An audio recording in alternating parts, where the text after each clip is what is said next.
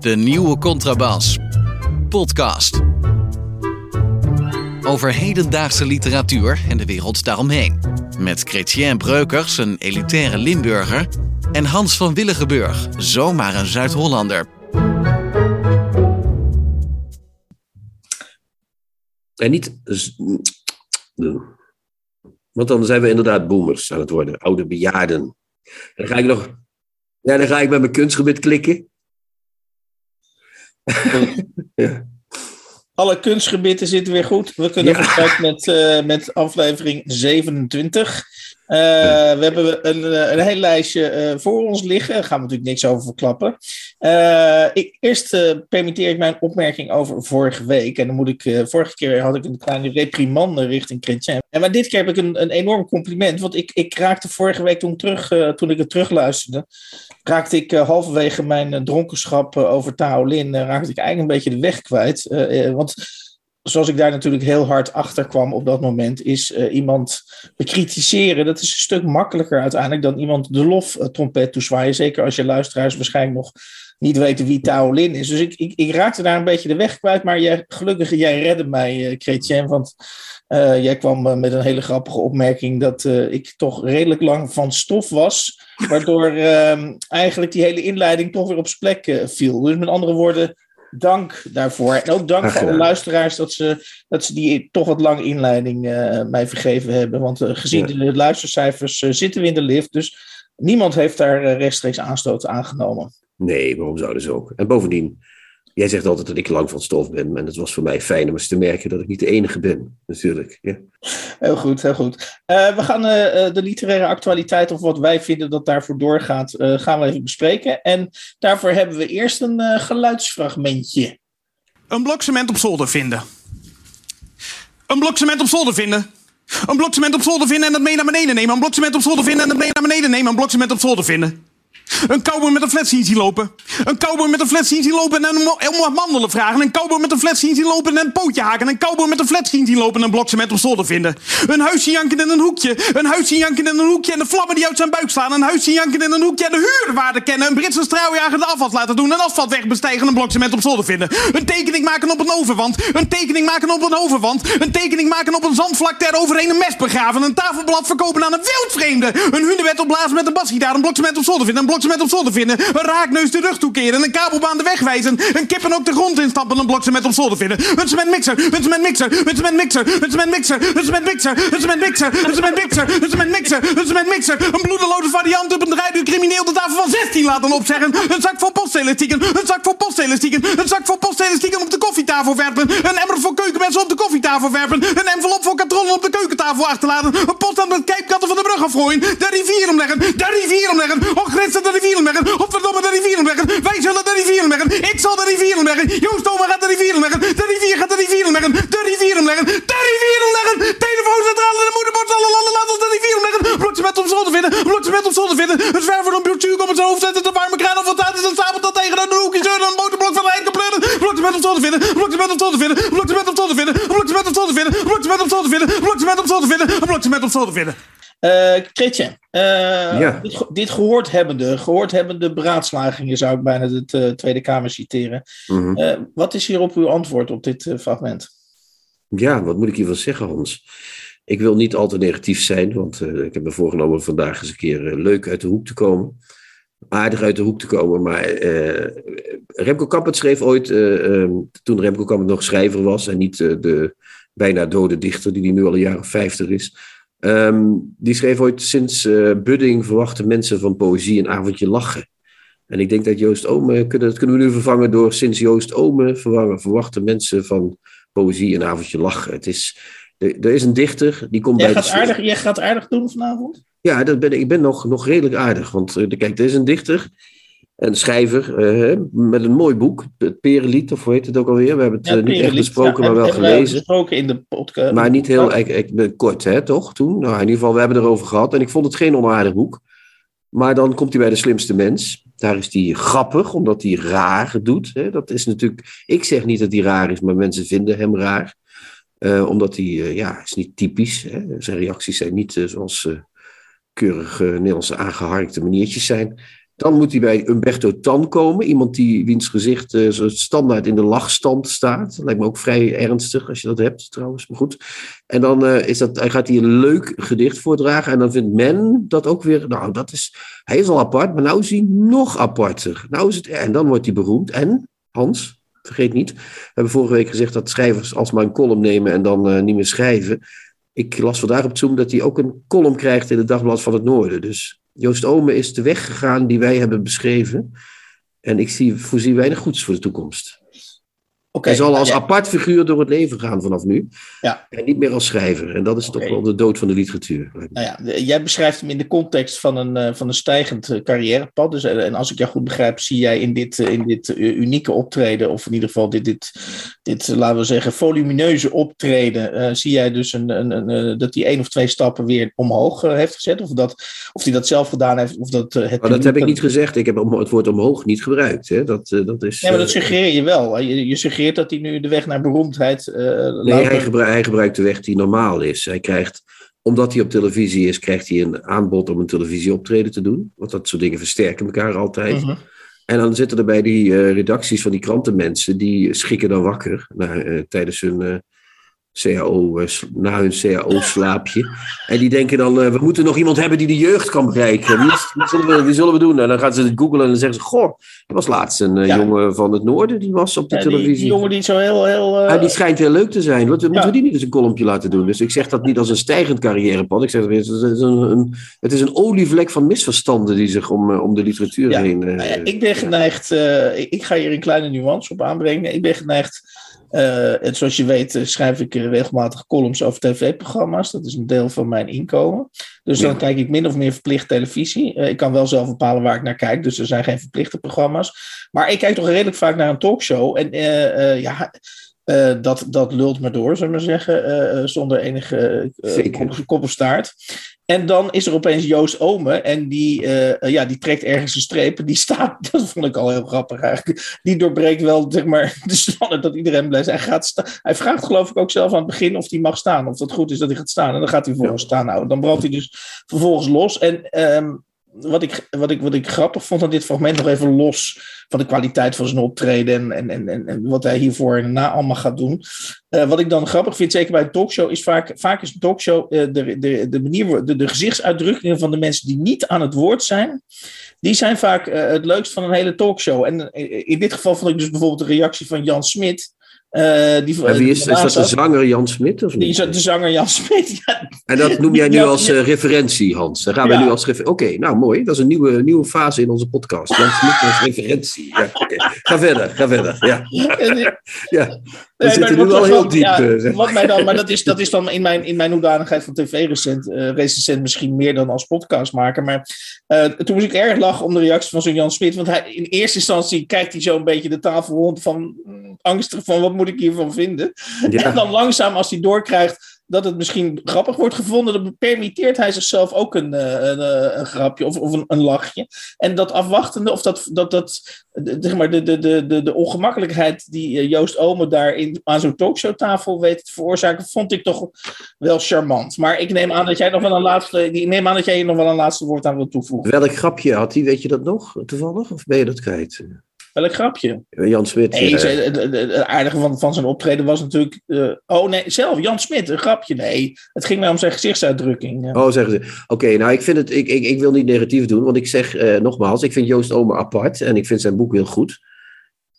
maar okay, zo, ja. zo, gauw, zo gauw schrijvers zich afhankelijk gaan maken van de smaak van de, van de Spitsburger. Hè? Want Jan Smit kunnen we toch wel, of Humberto Tan, dat kunnen we toch wel de Spitsburgers in optima forma noemen als, als schrijvers daar van afhankelijk, als dat apart moet worden genoemd, hè, dus, dan heb je al de aandacht van de literatuur afge, van het boek afgewend, dan vind ik toch dat er iets aan de hand is. Het spijt me. Ik ben, ik wil, uh, ik ben aardig, maar ik, voor Joost Ome, maar niet voor wat er omheen zit.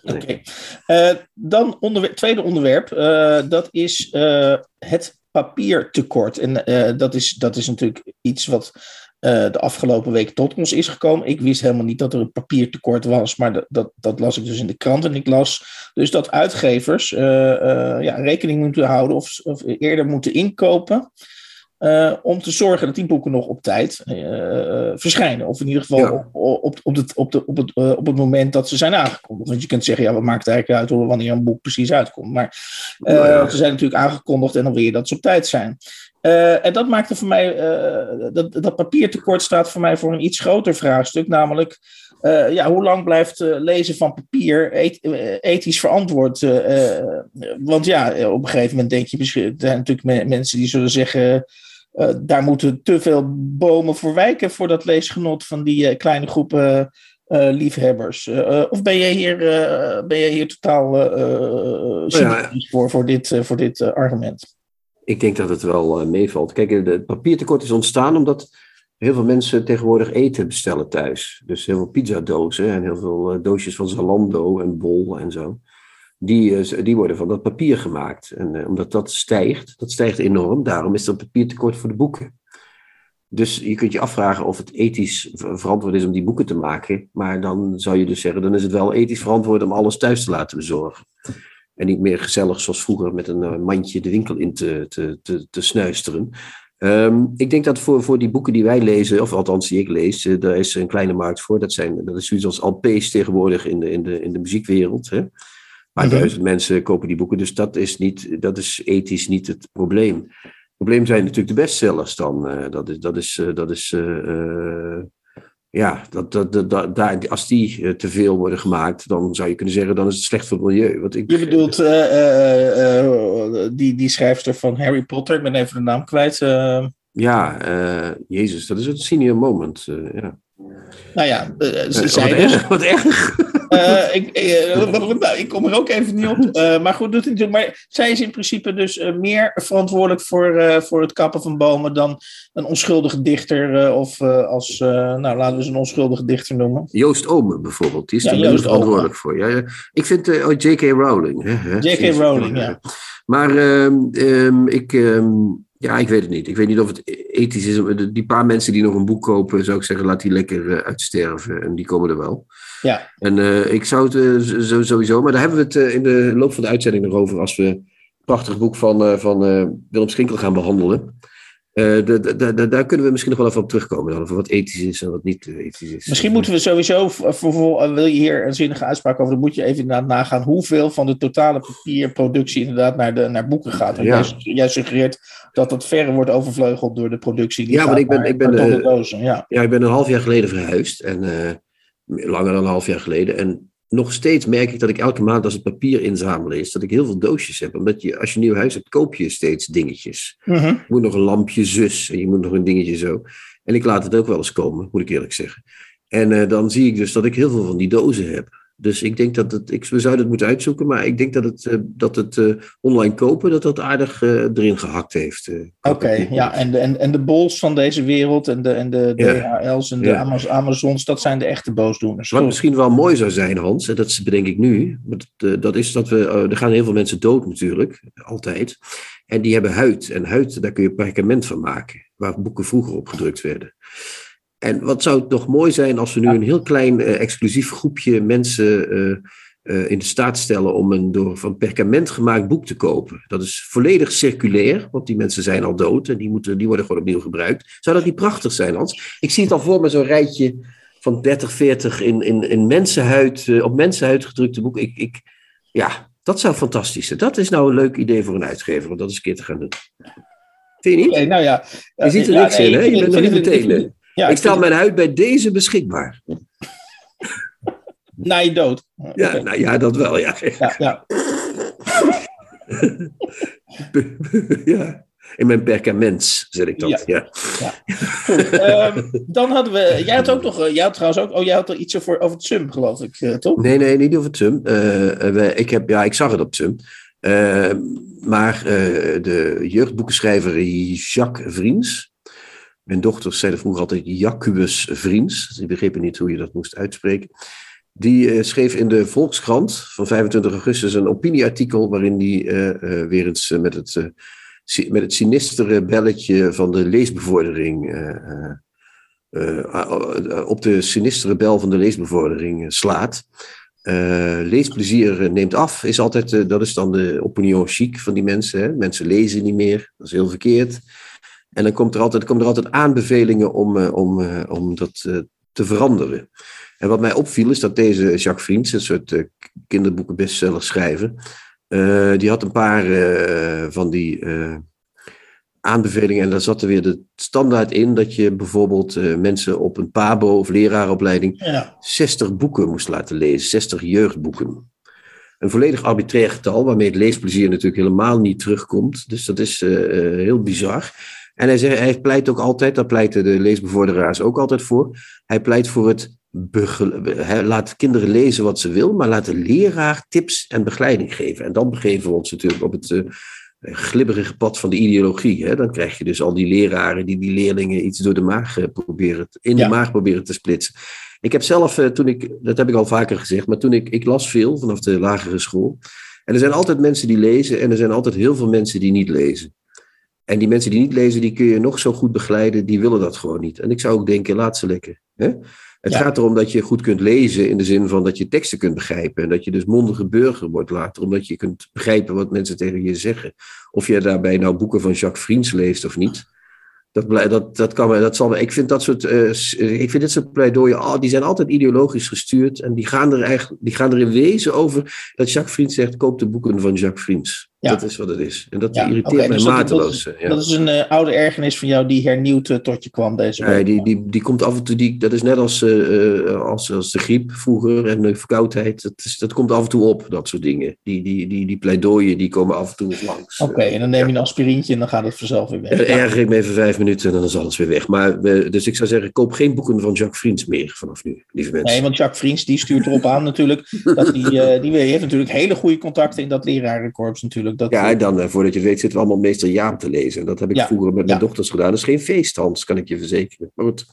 Goed, uh, dan hebben we nog een, een, een, nog een bericht uit de Volkskrant. En dat is dat uh, er profvoetballers zijn. Dat vond ik wel een leuk uh, bericht. En, die, die homo zijn, of niet? Of, dat niet? Nee. Of is dat is weer nee, een andere discussie? Onder de titel Van Porsche tot Proest. Oh, oké. Uh, uh, oh, ja. werd daar een reportage, uh, was er een Volkskrantjournalist en die had die had, was waarschijnlijk geïnformeerd over het feit dat sommige profvoetballers, uh, een uh, of in ieder geval een aantal profvoetballers, gezamenlijk één leesclub vormen.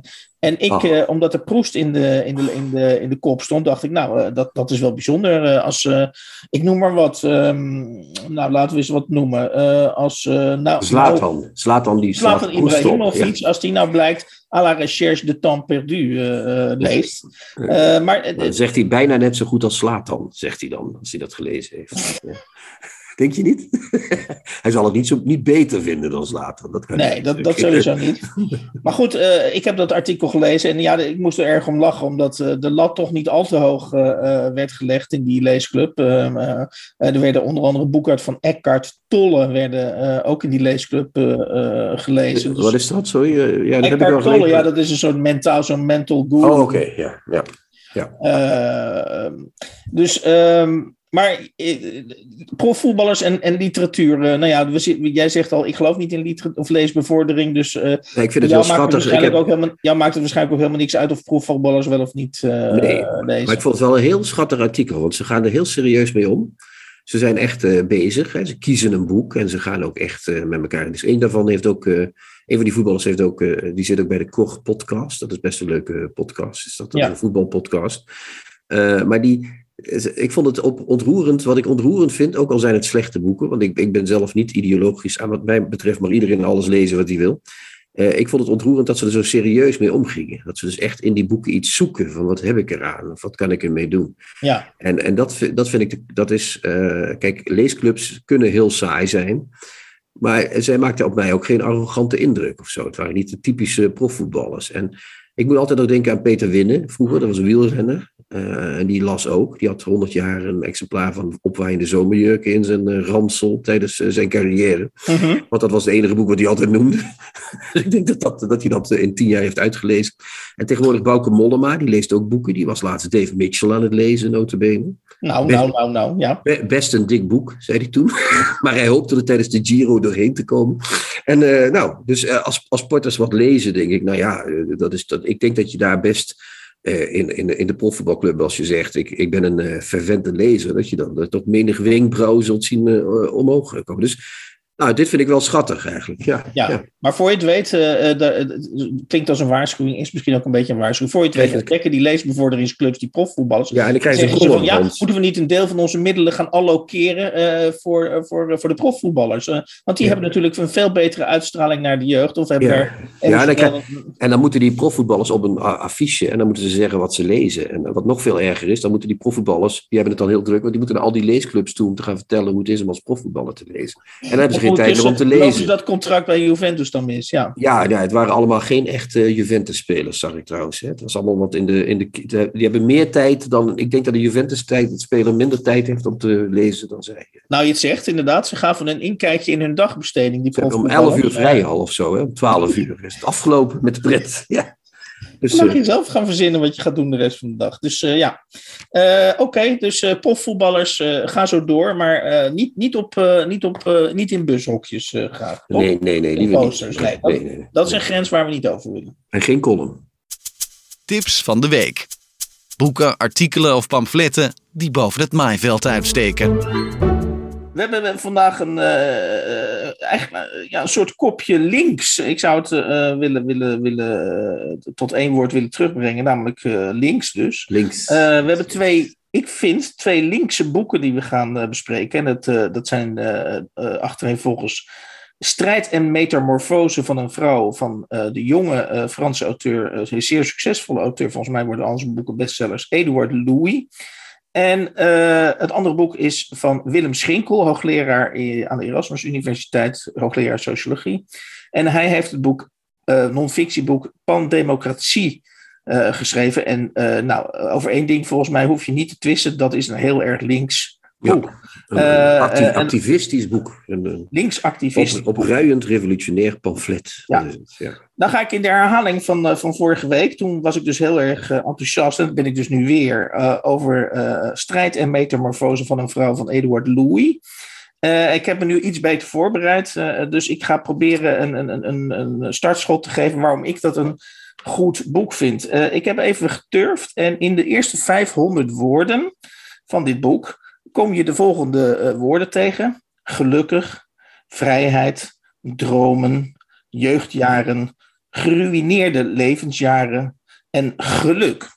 Nou zijn het woorden, dat zijn allemaal grote woorden. En eh, als je die in een normaal manuscript in de eerste 500 woorden deze woorden tegenkomt, dan weet je bijna, dat je, bij- weet je bijna zeker, sorry, weet je bijna zeker dat je met een manuscript, eh, een beetje pathetisch manuscript eh, te maken hebt, eh, wat nergens heen zal gaan.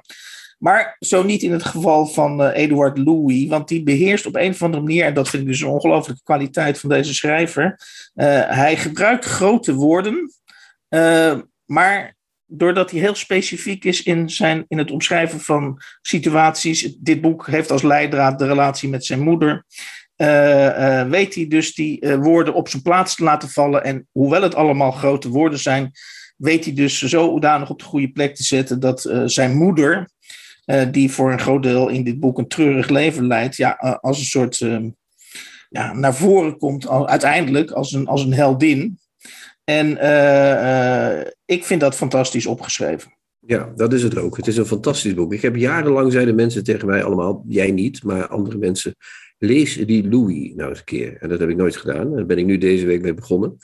Ik heb eh, dat eh, Strijd en Metamorfose van een vrouw gelezen. Je hebt het zo uit overigens in mijn eh, e-book. Want ik heb een e-book, papiertekort. Hè. Hans. Heb ik, eh, heb ik eh, eh, dus 72 pagina's. Ik weet niet hoeveel het in, in, in papieren Nee, vorm is. is, ik, zal, ik heb het hier liggen. Ik zal zo even nakijken. Of Ja, oké, maar goed, het is niet al te veel. Je bent er nog wel een schouder heen. Ik denk eh, iets boven de 100, ja. Ja, ik heb daarna ook nog dat eh, eerste boek van hem eh, gelezen, waarin hij vertelt dat hij, eh, hij heet eigenlijk Eddie Belgueul, hè, Ja. of zoiets. En hij is uit het noorden, Le Nord, het meest treurige deel eh, van Frankrijk. eh, eh, en hij beschrijft in dat boek, eh, dat eerste boek van over Eddie Belgueul, waarom hij daar zo niet meer wil heten, omdat hij dus zich heeft ontworsteld aan zijn armoedige en uitzichtloze eh, eh, familietoestand. En die moeder waar hij nu dan op inzoomt, is daar onderdeel van. En die beschrijft hij ook als een echt slachtoffer van, van, ja, van de omstandigheden daar. Hè? Mensen die daar wonen, die, als die geboren worden, weten die min of meer al hoe het leven zal verlopen. Namelijk, ze krijgen of geen werk of heel slecht werk. En eh, ze drinken te veel, ze eten ongezond. En op hun vijftigste beginnen de, de kwaaltjes. En als ze zestig zijn, zijn het menselijke wrakken, als ze dat al halen. Hè, hier staat bijvoorbeeld dat gebeurde bij de- in, het, in het dorp lagen de rollen a priori vast. De mannen dronken en de vrouwen probeerden hun echtgenoot van het drinken af te houden. Weet je, dat is een beetje de sfeer waarin die is Ja. opgegroeid. Dit me ook een beetje denken aan Di- Dimitri Verhulst. Helaas zijn dat dingen. Weet je wel? Zeker, Dat, dat- zeker. En hij, nog- hij, hij heeft zich dus uit die sfeer losgeworsteld zelf. Maar hij beschrijft in dit boek ook heel mooi hoe zijn moeder, wat jij zei, ze, ze is uiteindelijk een heldin. Zijn moeder die gaat dus, hoewel je steeds in al die andere boeken denkt dat gaat nooit lukken, die gaat weg bij die vader aan het eind. Uiteindelijk wel, ja. ja. En, en die gaat ook eh, naar Parijs zelfs. Ze gaat in Parijs wonen, waar haar zoon, Eduard Louis inmiddels, ook woont. En eh, ze spreken af in dure hotels waarin hij haar... hè, daarmee probeert hij ook haar iets te geven wat, hij, wat, wat ze nooit hadden vroeger. En dat is, ja. Dat is erg ontroerend. Dus je, je kunt misschien niet ontworstelen aan een milieu, maar je kunt wel je best doen. In ieder geval, Ja, en toch het wel wel- ergens komen. Ja. Het is wel goed dat je, dat je Dimitri Verhulst eh, noemt, omdat, ik, eh, omdat eh, de, de setting is, is overeenkomstig. Het, het, sociale, het, het lage sociale milieu. Dat, Het zeer lage sociale milieu, mag je Ja, zeggen. dat het dat je- proletariaat. maar- het maar, maar waarom volgens mij Eduard Louis niet snel een, een, een, probleem, of niet snel slappe boeken zal schrijven en, en, en Dimitri Verhulst dat dus wel doet, is dat Verhulst eh, eh, exploiteert dat milieu of zijn jeugd eigenlijk eh, voor de anekdotiek. Weliswaar hele, hele goed opgeschreven en ontroerende anekdotiek, maar ja, dat blijft toch. ja, hij, hij, hij, brengt dat in een soort schilderachtige context, waardoor het ook weer grappig wordt en tragicomisch. Maar wat die Louis doet, en dat vind ik dus super, en misschien in de, op het gevaar of dat ik in herhaling verval, ehm, die eh, vermengt op een hele intelligente manier, wat wat mij betreft, toch ook een hele politieke boodschap. Namelijk, Ja, want hij, hij klaagt ook bijvoorbeeld Macron aan en allerlei ministers. Hij zeker. zegt, hij zegt op een gegeven moment, ik weet niet of dat in dit boek is, want ik heb er nu achter elkaar een paar gelezen. Ja. Maar dan zegt hij ook van tegen, tegen, een- tegen Macron, je nam eh, mensen met een laag, eh, met een mi- minimuminkomen, nam je 5 euro af. Ja, En eh, de superrijken hoefden geen belasting meer te betalen. ja en, en, en indirect eh, klaagt die Macron ook aan, omdat eh, door, Moord op die door, mensen. door immigratie, door immigratie, laten we het beestje maar gewoon bij de naam noemen, wordt deze klasse van mensen, hun kans op de arbeidsmarkt wordt, Nog wordt, wordt, kleiner, ja. wordt nog kleiner.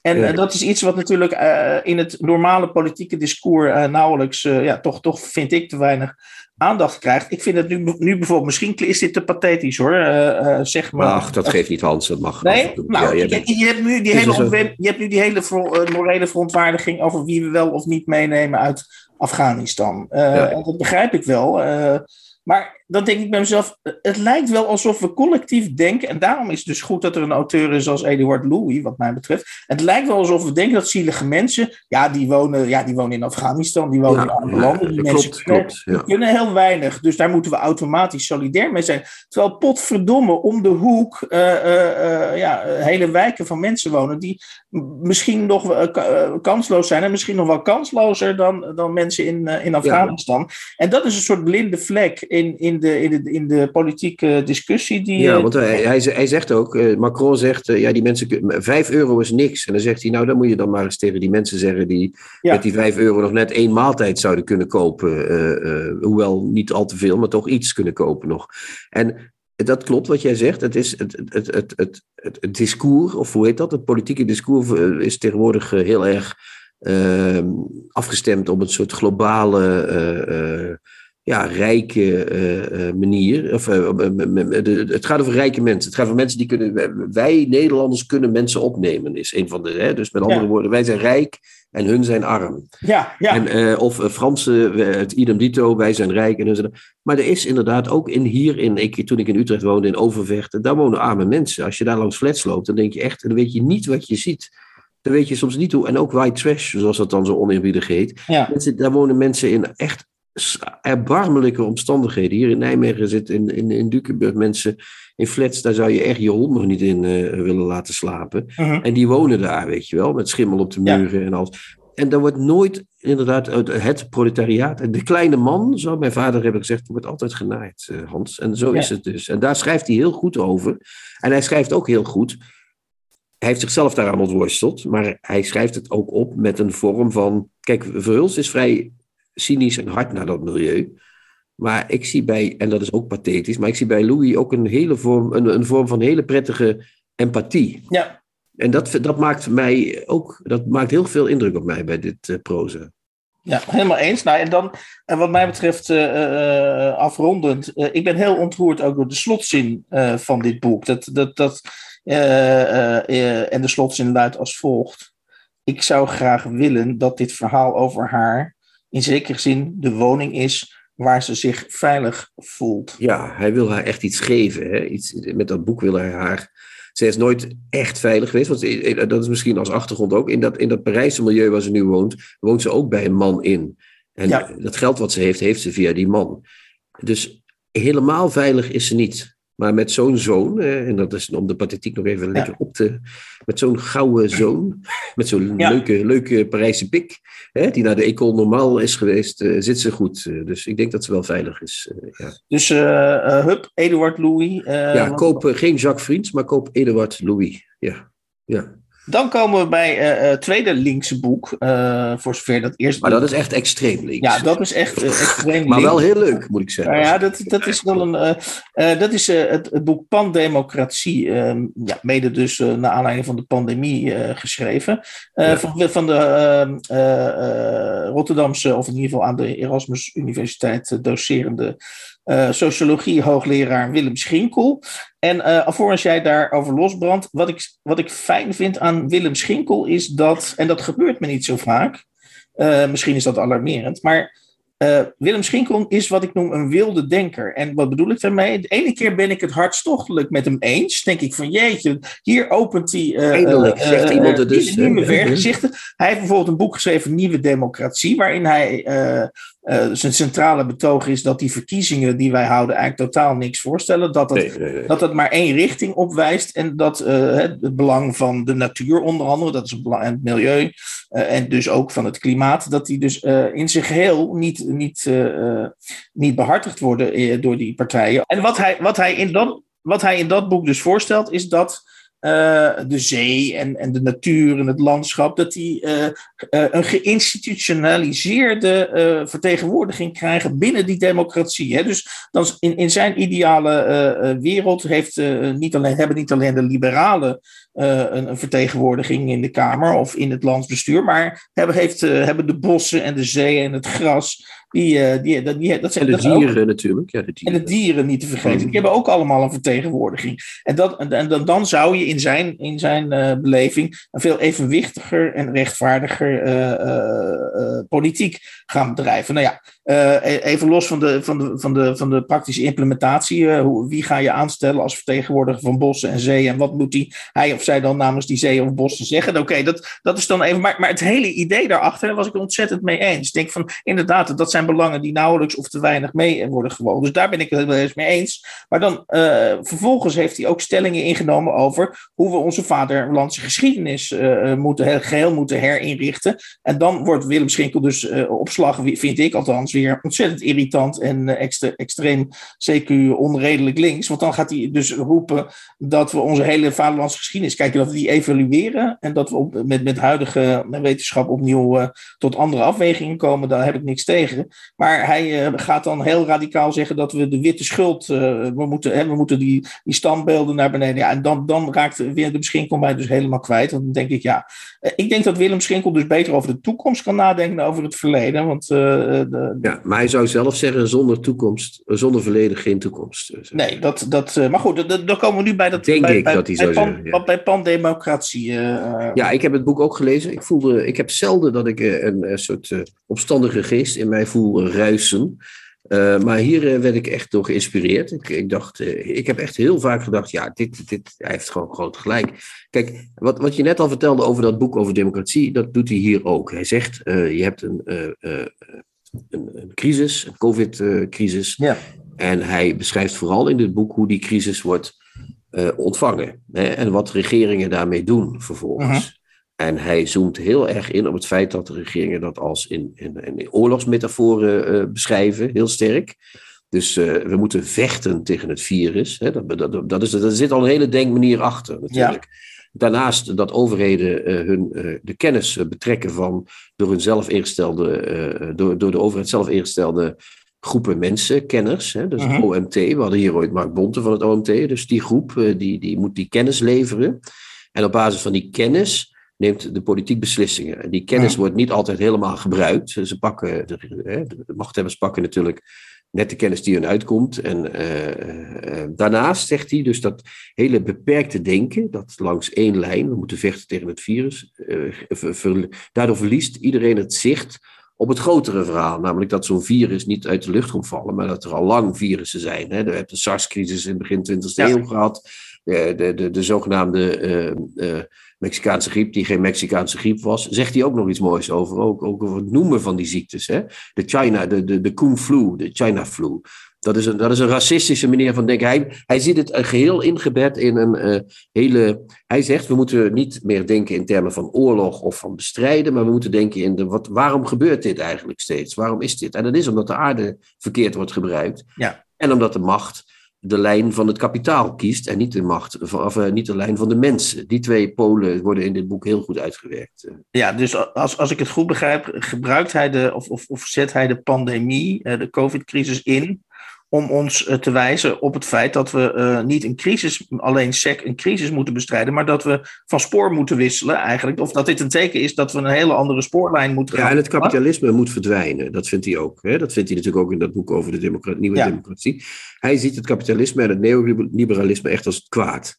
He, voor hem is dat, en dat, ik, ik kan daar een heel Die is een broertje van Ewald Engelen, inderdaad. Ja, daar moest ik ook aan denken. Ja, ja, ja, ja, ja. maar die, die, die, die uh, focust zich meer op de dieren uh, alleen, en op maar ook op de, de, de, de, hoe heet het, op de, op de, op de, hoe noem je dat, de klassenstrijd. Maar ik denk dat Schinkel verder gaat dan de klassenstrijd. Schinkel vindt gewoon dat er een revolutie moet komen. Hij zegt ook ergens in dat boek, Rutte heeft ooit gezegd, het is een door en door socialistisch land. Hij zegt, nee hoor, het is geen socialistisch land, het is nooit een revolutie geweest. Schinkel wil een revolutionaire verandering van de verdeling van kapitaal en de wijze van omgaan met, met de aarde. En dat maakt zijn boek werkelijk, uh, en dat klinkt als een, dat klinkt neerbuigender dan ik bedoel, maar dat is meer dan sympathiek. Ik ben echt, uh, ik was er echt uh, wel door ja, ik, was er meer door aangedaan dan door de gemiddelde roman die ik de laatste tijd uh, gelezen heb. Uh, ja. En wat ik opmerkelijk vond aan het boek was, uh, was twee groepen die hij eruit pikte, die, die, uit die COVID-crisis. Dat zijn de, de, de, de indammers, dat zijn de mensen die eigenlijk onze sociale media constant hebben bestookt met de boodschap. De, de, mondkapjes, we doen te weinig. En daarvan zegt Willem Schinkel. Ehm, uh, ja, uh, uh, dat zijn dus mensen die. Hij, hij, beschuldigt die mensen uiteindelijk, en dat vind, ik, dat vind ik ook heel creatief. Daarom is hij ook echt een wilde denker. Hij beschuldigt die mensen dat ze meegaan in het, in het plot van het neoliberalisme. Want ook ja. die mensen, ook die mensen, die indammers, die gebruiken als argument. Nee, we moeten inderdaad vechten tegen dat virus. We moeten dus nog harder vechten dan. En, en nou, hij, dat ze in de macht, dat ze met de macht meegaan, omdat ze voor beperkingen kiezen. Dus willen, ze willen de vrijheid van mensen afnemen. Dat, dat en dat vindt hij heel kwalijk. afpakken. Ja, en ze gebruiken, ook die indammers gebruiken regelmatig als argument. Ja, dan kunnen we des te sneller weer opstarten met die uh, door, door, door ja, de economie. Totaal, totaal uh, afgewezen uh, of, of, uitgekotste liberale democratie. Ja, dus in feite dus zijn die, die indammers, dat zijn eigenlijk de lakeien dat zijn, zonder dat ze het zelf door zijn dat de lakeien van dat neoliberalisme. Klopt, ja. En, en tegelijkertijd zegt hij ook dat, dat die mensen, die zijn, dat zijn een soort useful idiots, zou je kunnen zeggen. En tegelijkertijd, wat ik ook een mooie denklijn vind, is dat hij, en dat heb ik, vind ik ook wel, maar hij, hij geeft mij argumenten om te zeggen dat uh, de, de, de Nederlandse regering, met name minister De Jonge, uh, met die mm-hmm. verschrikkelijke schoenen, die man, uh, dat hij door de ouderen op te sluiten, in, dus de, de, door die beperkende maatregelen voor ouderen effectief te maken, door die ouderen op te sluiten, heeft hij een misdaad begaan tegen die mensen. Want dat, dat virus ging daar verschrikkelijk rond en er zijn heel veel mensen gestorven onder ja, daar is hij niet kinderachtig. Daar is hij niet en daar, daar, hij, beschuldigt, hij beschuldigt ze van een, van een misdaad. En ik vind dat echt. Uh, daar, ah, ben hij, ik noemt het, het eens. Nee, nee, hij noemt het letterlijk necropolitiek, toch? Ja. ja, dat is necropolitiek. En dat vind ik.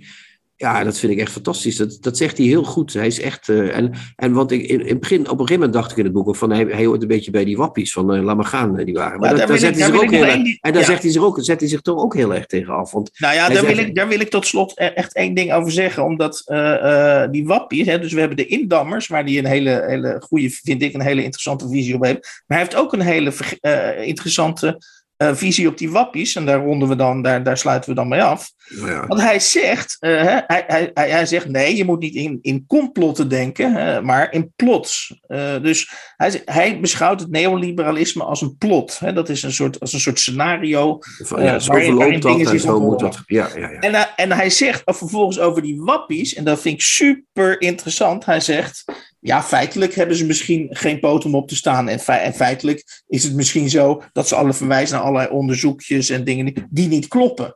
Maar, zegt hij, wat die wappies wel goed doen, is dat ze dat plot aanvallen van het neoliberalisme. Ja. Nou, dat En- ze kritiek leveren. En, dat, en dat, hij zegt dat zouden ze serieuzer moeten nemen. Ze zouden die mensen in die zin serieus moeten nemen dat ze kritiek leveren. Want alle kritiek wordt meteen in die, door de macht terzijde geschoven. En sterker nog, de macht krijgt de kans om dat te doen. En dat vindt hij ongezond. En dat is wat Hij gebruikt, daar, hij gebruikt daar bijna een literair argument. Dat is interessant. Hij zegt namelijk: eh, eh, de, het neoliberalisme eh, is co- constant bezig. En ook zeker in die COVID-crisis, onze verbeeldingskracht. Hè, dus met andere woorden, alternatieven. eh, om, die in te- om die letterlijk af te breken en verdacht Ja. te maken. Terwijl dus die wappies, eh, die beschikken nou juist over een bepaalde verbeeldingskracht. Die openen nieuwe perspectieven. Die zijn misschien feitelijk onjuist. Die kun je misschien niet verdedigen.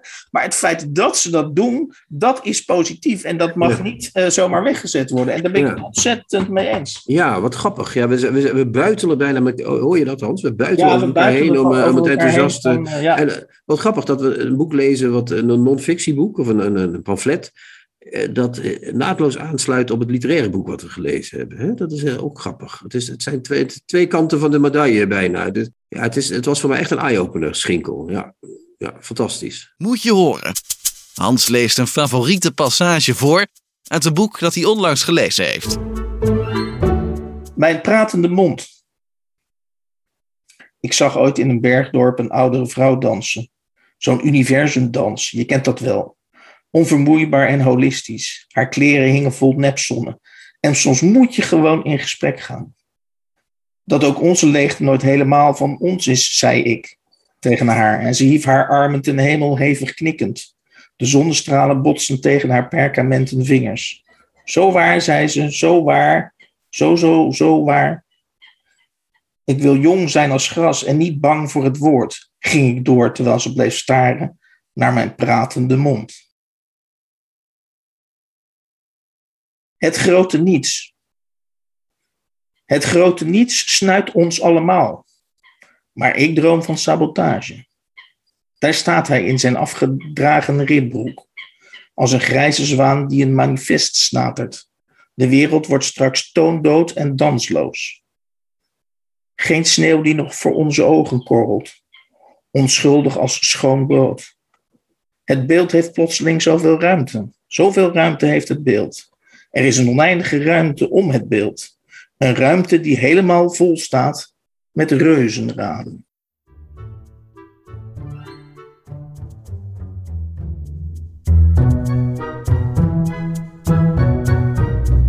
De nieuwe Contrabas.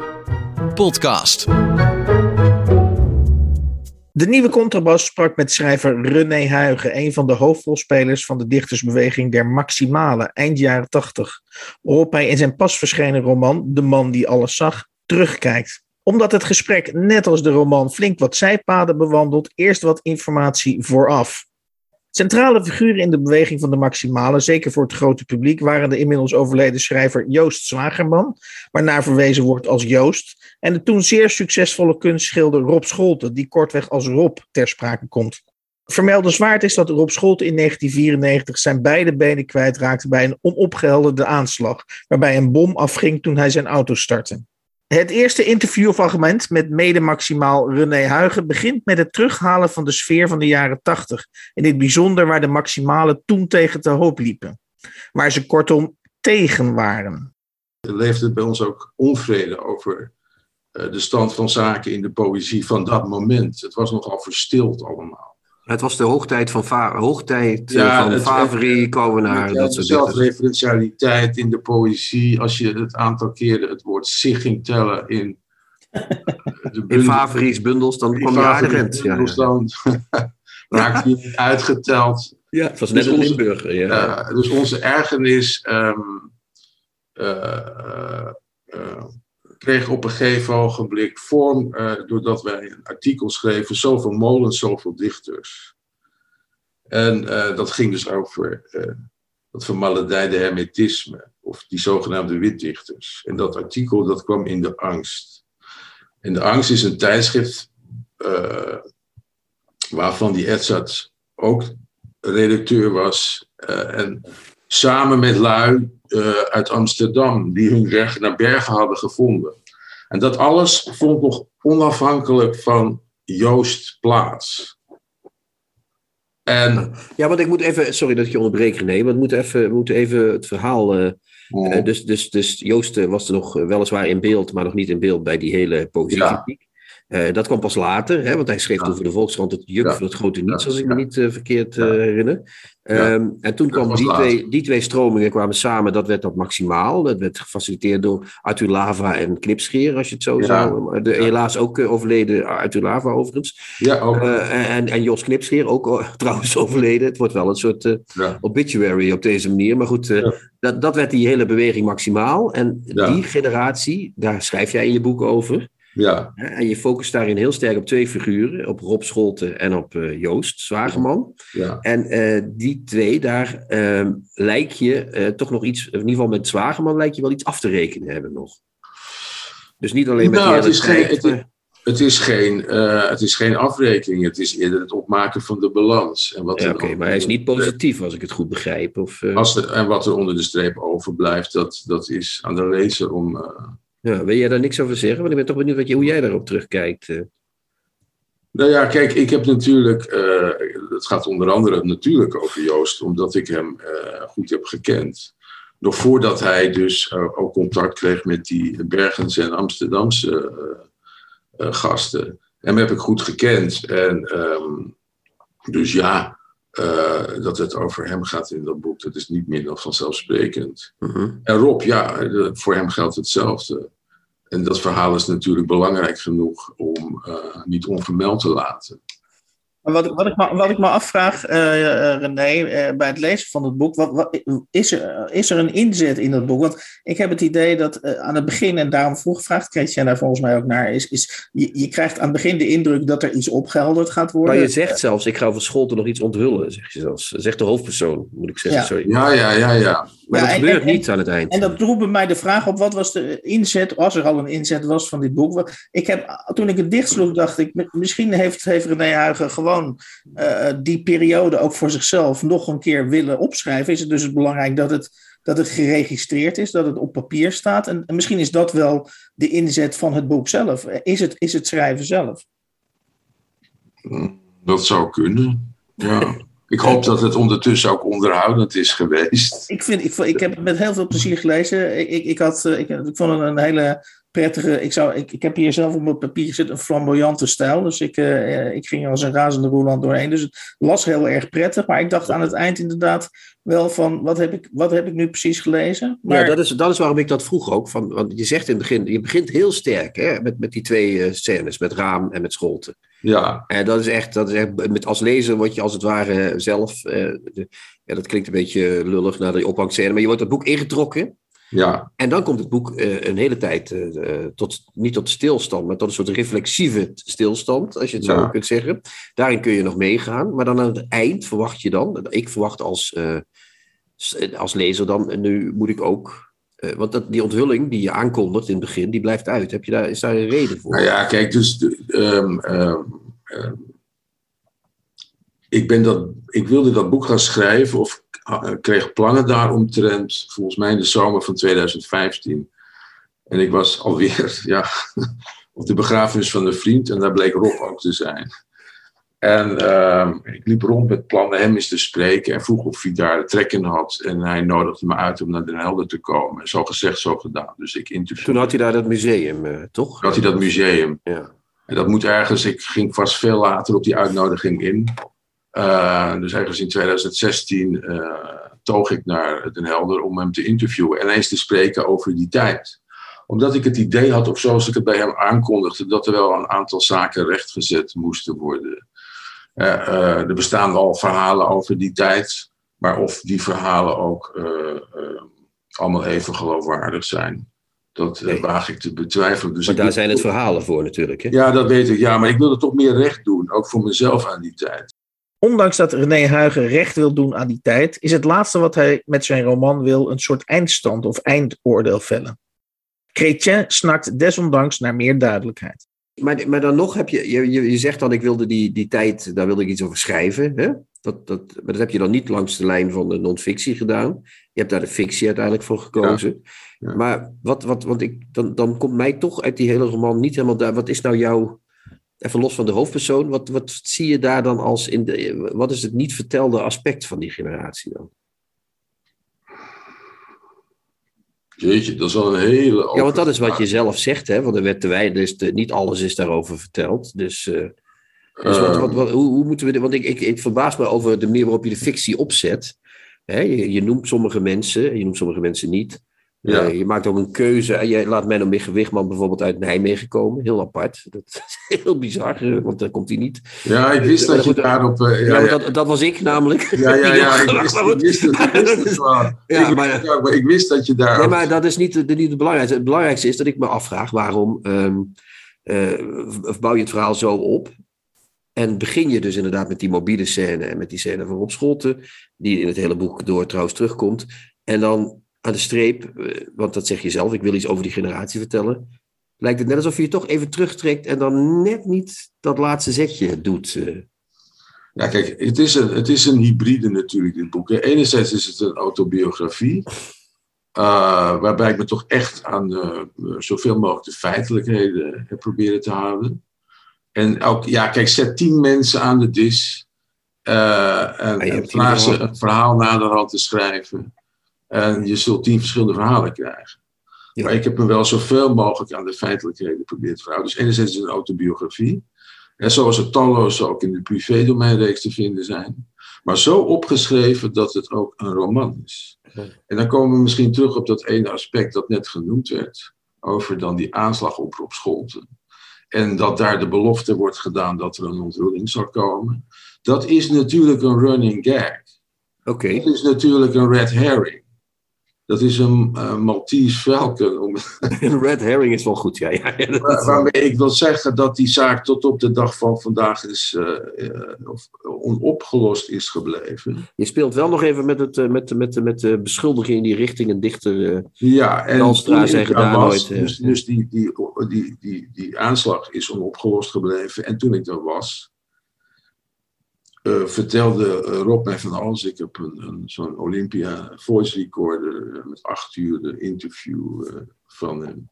ja. die nog steeds liggen. En toen vertelde hij mij dat hij, maar ja goed, dat is bekend van Rob en de verhalen die hij logischerwijs voor zichzelf bedenkt, omdat hij toch ook telkens naar een oplossing zoekt. Hè? En, en die is er maar niet. Maar goed, hij vertelde mij te weten wie het dan wel had gedaan of zou hebben gedaan. En zei hij ook wie? mij geen naam noemen, maar Wow. hij gaf me wel een hint. En dat lees je allemaal terug in het boek. Ja, maar die hint heb ik niet helemaal begrepen. Waar staat Nou, die dus, hint? nou, maar ik ook niet, want eh, eh, hij vraagt mij terug te gaan in mijn herinnering. eh, tijdens een avond in een autoshowroom gekraakt, waar we dan een avond hebben. Dat is trouwens nog voor Maximaal, dat is ook voor Joost. Hm. En ik zou die figuur daar hebben ontmoet. En jij weet niet meer wie dat is. Maar ik weet absoluut niet wie het is. Dus ik heb van eh, die aantijging of eh, dat vermoeden van hem en de persoon naar wie hij verwijst een elkerlied gemaakt. Iemand in een regenjas. Met Als je- een, als je die eh, tegenkomt, dan loopt het slecht met je af. bezaaid gezicht en een paraplu waarmee hij dus zijn spondeeën tikt. En die loopt door het hele verhaal heen, dat figuur als ik noem hem een, een, een, een binkmolder, een kreeuwenhacker, de serial killer van onze generatie. Dus dat is in feite een abstrahering. Zoals verschillende keren in het interview onttrekt Huigen zich aan al te specifieke conclusies of stellingnames. Al komt hij uiteindelijk wel met een bijzondere bekentenis. Ik merk bij jou een, een, een, een onwil om, terug, te- om in ieder geval oordelen te vellen over die tijd. Ehm, maar maar eh, eh, ehm, En dat hoeven geen negatieve of vervelende... oordelen, Om eh, een conclusies te trekken van zo zat het in elkaar. Dit was het, eh, de, je zegt het was belangrijk voor mij en het heeft mij gevormd en het is Maar boven wat, de aan beweging. wat, aan, aan, aan de mensen met wie je omging, aan de, de Aan tijd, hoe het was. aan wat voor oordelen denk je dan? Nou, liter- literaire oordelen bijvoorbeeld. Heeft onze generatie het wel goed gedaan? Eh, zijn ze, Nou, maar eh, dat is dus wat ik net eh, probeerde eh, eh, te zeggen. Namelijk dat dat voor mij minder relevant is. Dat de waarde, maar dat geldt ook ten aanzien van andere dingen die ik lees en moet waarderen. Dat ik merk, eh, je kunt het milder noemen, of eh, dat ik mijn oordeel steeds vaker opschort. Omdat ik eh, hele andere waarden ga toekennen aan andere zaken die ik bijvoorbeeld bij het lezen van een boek van belang vind. En ik noem dat het belangeloze lezen. Soms, ik had bijvoorbeeld eh, onlangs eh, een boekje eh, uit de boekenkast hier gehaald van Guido Morselli. En dat is zo'n commu- communist, zo'n Italiaan uit de jaren 30 of zo. En ik ben de titel van dat boekje vergeten, maar ik bleek dat boek 25 jaar geleden te hebben gekocht. Op het spuin nog, daar bij het moderne antiquariaat van Van Gennep. Het bonnetje zat er nog in. En ik had het in de gelezen, we echt tweemoedig. gezet, eh, Nee, ja. Totdat ik het er weer uithaalde. En, eh, en gewoon begon te lezen. Dat noem ik belangeloos lezen. Dus het staat niet op, op een top 10 lijst. Eh, niemand heeft mij eh, ertoe. niemand heeft het boek aanbevolen. Ik begin gewoon te lezen en raak geïntegreerd. Dus het is niet nodig om als je op je eigen generatie terugkijkt om te Nee, zeggen... nee is vind ik niet. Wat voor Ja, mij van, van waarde is, is juist die inzet geweest. Die dynamiek die wij zochten. De beweging die wij eh, wilden bewerkstelligen. Eh, dat, dat is voor, voor mij eh, de grote waarde. Ik- wil je zeker nog één vraag stellen, omdat er, zitten een aantal details in het boek. Of, of wat ik leuk vind aan het boek is dat je op een of andere manier jezelf wel ook zijpaden toestaat in dat boek. En een van die zijpaden. Eh, op een gegeven moment lees je het ook een beetje als hoe is hoe in de grachtengordel. Ik woon er zelf niet, maar er, worden, er komen nogal wat namen voorbij. En op een gegeven moment noem je Mirjam de Rijk, die ik ken van mijn groene tijd. En eh, Oh. eh, eh, ja, dat vind ik dus heel komisch. Is dat je dus die, die, die, die krakersgeneratie, die, die je geloof ik omschrijft als de do-it-yourself generatie, dat Ja. je op een gegeven moment ergens halverwege de jaren tachtig denkt van nou ja, goed, we gaan het inderdaad gewoon zelf doen. ja. En, eh, en wat jij geloof ik noemde, if you can't beat them, join them. En Ja. eh, toen ging het grote geld verdienen, zeg maar, beginnen. Ja, toen werd de ironie, zou ik maar zeggen, of veranderde de ironie in cynisme. Ja, Zo in de tijd dat de juppen kwamen, hè, en ook Bret Easton Ellis in Amerika met Less Than Zero, dat was toch eind jaren tachtig? eh, Ja, ja, ja. ja, ja, dat is 85, ongeveer. 85. Ja, 586. Dus ja. de ironie kent de onschuld nog, eh, en de naïviteit nog van de idealen die gekoesterd werden in de, in de 60s en de, en, en de, en de 70s. En, en, en, en wij hadden daar een, een dubbelhartige of een dubbelzinnige eh, houding ehm, ehm, tegen aangenomen, tegenover aangenomen. We wilden er nog wel in geloven, de idealen, maar helemaal serieus nemen konden we het ook niet meer. Dus deden we er wat schamper over. En op een gegeven ogenblik eh, sloeg eh, de, de teleurstelling eh, definitief toe. Of, naar, of, of de logening van die idealen en veranderde het in cynisme. Die waren een soort hippies eigenlijk. Dat verklaart uit Nou, ik denk dat, dat wij in ons, en dat mogen jullie natuurlijk voor jezelf bepalen. Ik denk dat wij inderdaad nog, en misschien ik wat meer dan jullie, omdat ik eh, literair eh, enigszins eh, door, door hippies ben opgevoed. Hè, want die vrienden die ik had, die waren ouder dan ik. Ja. Maar ja ik, ja, ik denk waarachtig dat ik een, een soort hippie was. Of dat wij hippies waren. Dat, dat de punks ook nog hippies waren.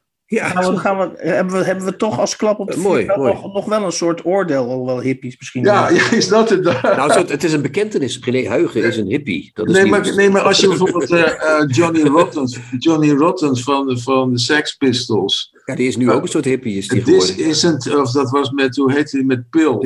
Not a This love song. not a love This is not- song. Ja, ja, ja. Maar weet je dat hij ermee ophield eh, op het moment dat hij zag dat hij er heel veel geld mee ging verdienen. Ja. De. Nou, dat geeft aan dat ook in mijn ogen Johnny Rotten in hart en nieren een, een hippie was. Of in ieder geval iemand, een exponent van de tegencultuur. Die zegt, te- eh, is de tegencultuur weg? Is, is er nu nog een tegencultuur, René? Even, nee, die, Nee. volgens mij, ik zou, eh, ja, als je het over macht en tegenmacht hebt, en over nieuws en Een nepnieuws. nieuwe, bestuur, een nieuwe bestuurscultuur, ja. Ja, nieuwe, en- nieuwe en dan- cultuur. Dan zou er naast, dan zou er naast de cultuur toch ook een tegencultuur eh, Ja, maar die is er niet meer, hè? Nee, dat Nee, is geen, is dat is geen oude mannenpraat trouwens. Dat is echt, die is Nou ja, echt. ik weet niet of dat oude mannenpraat is, want ik merk... Ja, ik zeg eh, het ook over mezelf hoor, dus niet alleen. Oh, maar ik merk aan, aan, aan jongere mensen die, die mijn boek lezen, dat die eh, zelf goede zin krijgen om ook dingen aan te gaan vatten. Dan is het goed. Ja. Ondanks de, de, de, de, de, de kwellingen die je op je weg kunt vinden. Dus dat het, dat het ze goede zin geeft. Tot zover het interview met René Huigen over zijn roman De man die alles zag. En als dit boek een inspiratiebron kan zijn voor een nieuwe tegencultuur, heeft dat onze zegen.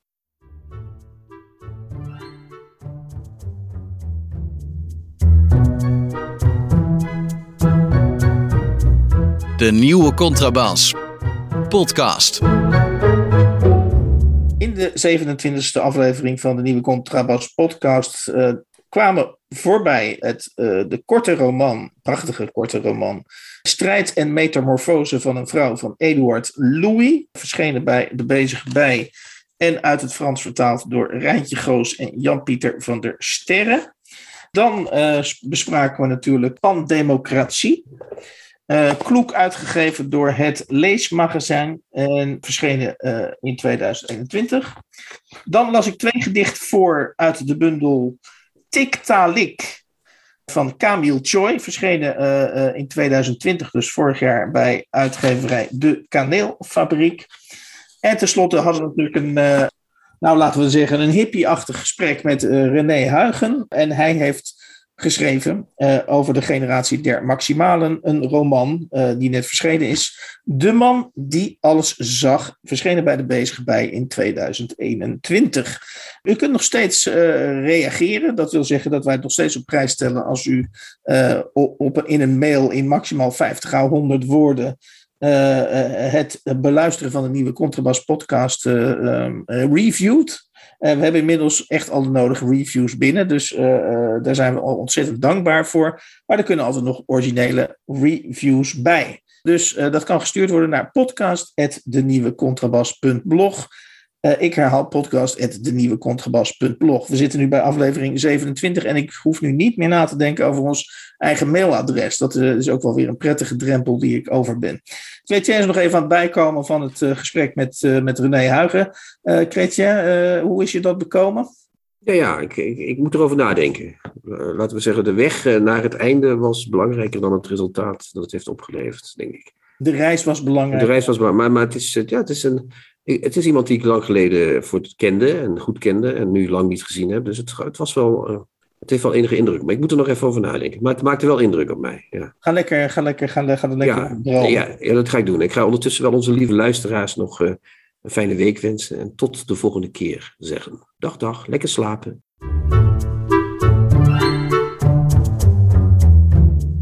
De nieuwe Contrabas podcast wordt gemaakt door Chrétien Breukers, Hans van Willigenburg en Erik Lindenburg.